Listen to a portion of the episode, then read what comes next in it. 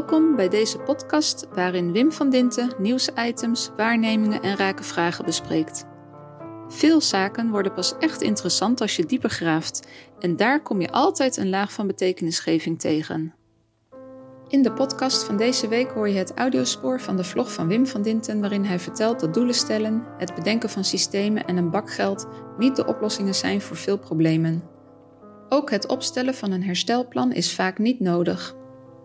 Als mensen met hun omgeving en elkaar in wisselwerking zijn, kunnen evoluties ontstaan die krachtiger zijn dan wat je met construeren wilt bereiken. De vraag is of je in staat bent zo te kijken en daarnaar kunt handelen. Als je politicus, journalist of leidinggevende bent en dit niet vertrouwt of begrijpt, hebt u dan wel het goede beroep gekozen?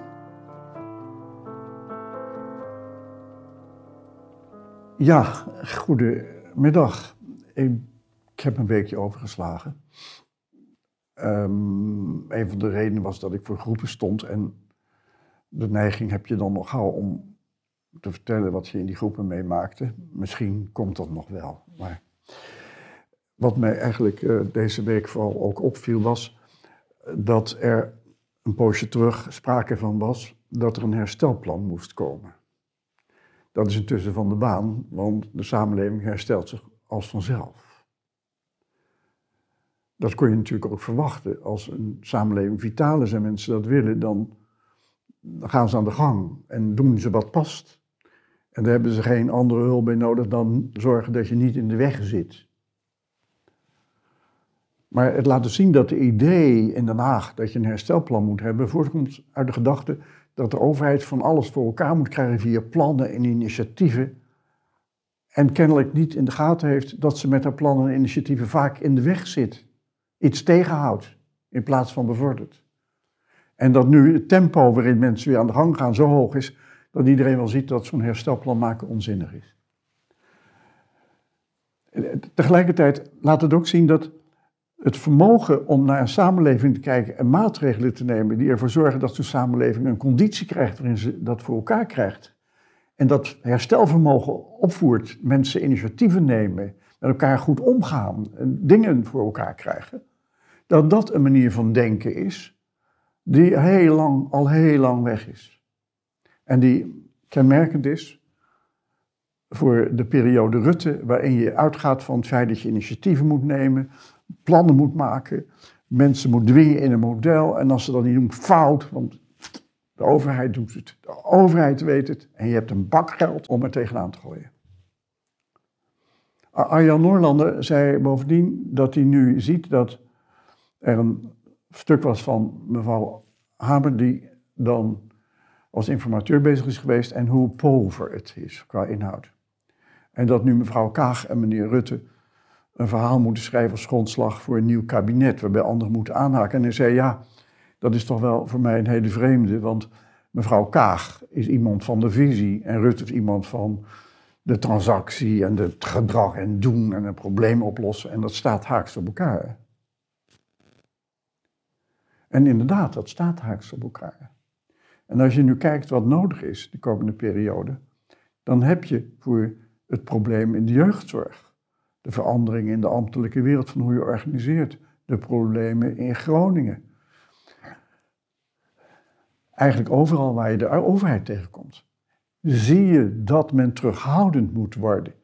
In staat moet zijn te herkennen wat de conditie van de samenleving is. Hoe je die conditie zo maakt dat mensen tot gelding kunnen komen en wat ze beogen tot gelding kunnen komen. En dat ook nog zo inricht dat je dan scoort op het gebied van milieu en scoort op het gebied van sociale samenhang. En je ziet dat mevrouw Kaag wel die lijn van visie ontwikkelen en overzicht krijgen in wil gaan. Maar ik heb nog niet één keer kunnen waarnemen dat die evolutionaire kant, waarin mensen de kans krijgen zich te ontplooien en ontwikkelen, en het inzicht hebben in een toestand waarin dat kan ontstaan, dat dat bij mevrouw Kaag omhoog komt. En ik, ik kan me niet goed voorstellen dat Rutte meegaat met een verhaal waarbij hij niet de potentie heeft op zijn manier door te blijven gaan en zo te werken. En, en je ziet ook dat in de Tweede Kamer geen bijdragen ontstaan. Die gaan over de vraag hoe de overheid nou zou moeten reageren om de conditie van de samenleving te verbeteren, zodanig dat die evolutionaire en groep sociale betekenisgeving meer gewicht krijgt. Hoe, hoe, zou je, hoe zou je de problematiek in de landbouw kunnen oplossen als je niet uit kunt gaan van een evolutionair proces waarin de boer op een andere manier aan de gang gaat? En wij op een andere manier omgaan met vlees eten, om maar eens even iets te noemen. En wij op een andere manier omgaan met technologie, zodat we die grote datacenters niet nodig hebben. Al die andere onzin die energie vraagt. Bijvoorbeeld elektronisch gaan betalen, waar cash natuurlijk energiearmer is dan wat ook. En uiteindelijk, als we online gaan betalen, verliezen we ook nog een stukje privacy. En, en je zag deze week eh, dat meneer Wolfson meent, samen met de EU, dat er regels moeten komen om de privacy van mensen te beschermen en dat ook geen foto's en camera's, geen camera's meer mogen worden opgehangen en ook geen gezichtsherkenning meer mogelijk mag zijn, omdat dat ten koste gaat van privacy. Maar als de doos van Pandora met technologie eenmaal open gaat, denk je dan, denk je dan, meneer Wolfson, EU, dat je dat met regels kunt verhinderen? Of zou daar iets heel anders voor nodig zijn? En je ziet dat in het onderwijs 8,5 miljard wordt gestopt. En iedereen denkt, dat is dit nou toch voor onzin? als je naar de argumentatie kijkt, is het ook onzin? Want de achterstanden die zijn opgelopen in corona worden op dezelfde wijze opgelost in het onderwijs als de samenleving zich weet te herstellen van de narigheid. Daar hoef je geen plan voor te maken. Het is ook onzin om dat in geld uit te drukken. Het echte probleem van onderwijs is dat we kinderen weer moeten leren uit te gaan van wat evolutionair tot stand komt en dat gaan herkennen en daarin ook sociale samenhang herkennen. En dat dat belangrijker is dan de tafel van 6 tot en met 10. Of dat dat belangrijker is dan de overgang van allerlei kwalitatieve uh, kenmerken naar kwantitatieve kenmerken. Waar bijvoorbeeld het Planbureau voor de Leefbaarheid alleen maar mee bezig is. En waar de economen alleen maar mee bezig zijn. Waarbij je wegsmijt wat evolutionair tot stand komt en helemaal niet rationeel is uit te drukken. Dus niet in getal is uit te drukken. Kinderen moeten leren te herkennen hoe die rationaliteit dingen van hen ontvreemdt, wegneemt. En niet alleen van hen, maar ook van de samenleving. Het onderwijs zou zo moeten worden ingericht dat kinderen leren hoe groente groeit, hoe planten groeien, wat een beest is, hoe vlees ontstaat, hoe evolutie essentieel is voor de samenleving. En dat er dan ook nog een keer taal bij komt en ook wat rekenen bij komt. Ja, maar niet andersom. En je ziet dat allerlei mensen bezig zijn dat te proberen. En je ziet ook dat de inspectie van onderwijs eist dat scholen zo worden ingericht alsof het een industrie is. Alsof je, als je uitgaat van het kind en die kent met zijn context en zijn mogelijkheden en dat centraal stelt, dat je dan een vorm van organiseren die, die licht chaotisch is omdat elk kind iets anders vraagt. En dat je dat kwijtraakt in je normativiteit en je systemen en je modellen.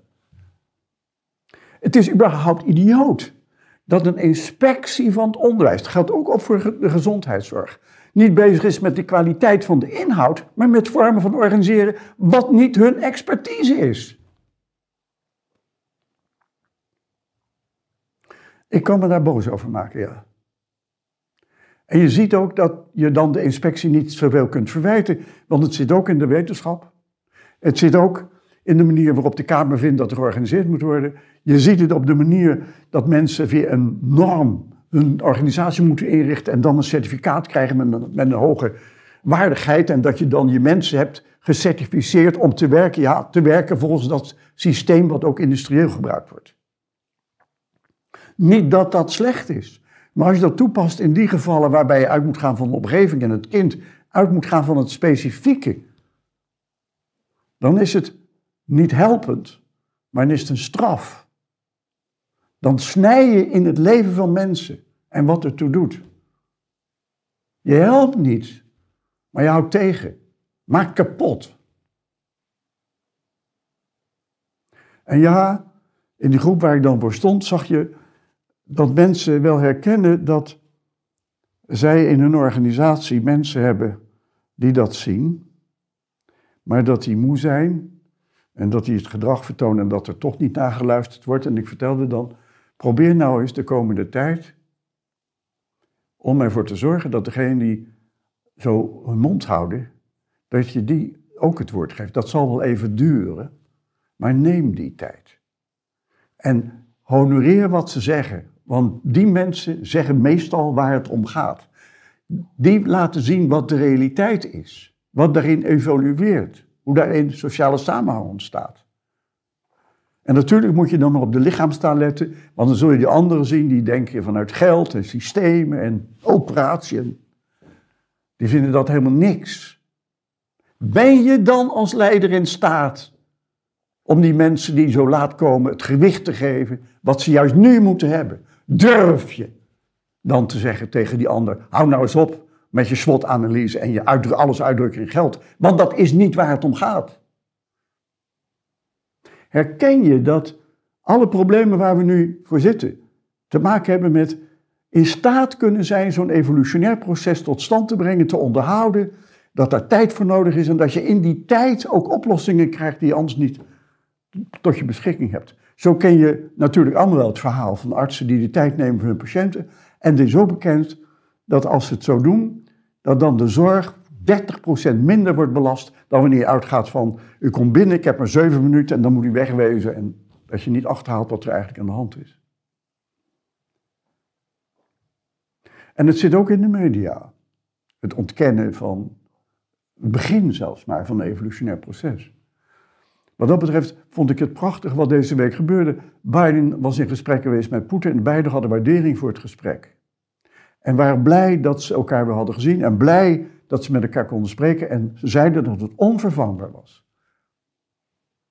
En er was een journaliste die niet in beeld kwam, die tegen meneer Biden zei: Ja, u zegt dan allemaal wel, maar wat hebt u nou concreet bereikt? Dus had ze nog een paar dingen. En hij liet te praten en hij zei: Als u dat niet begrijpt, hebt u het verkeerde beroep gekozen. Ik dacht, die moet ik onthouden. Want als u niet begrijpt wat ik nu heb gezegd, en u hebt een leidinggevende functie of bent journalist, hebt u het verkeerde beroep gekozen. Ik wens u nog een fijne dag.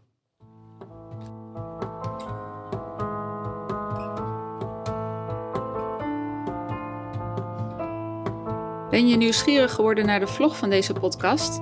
Klik dan op de link die je vindt in de omschrijving. Kom je iets tegen waar we met elkaar eens grondiger naar moeten kijken? Laat het ons weten. Stuur een berichtje naar czen, of via Facebook, LinkedIn of Twitter.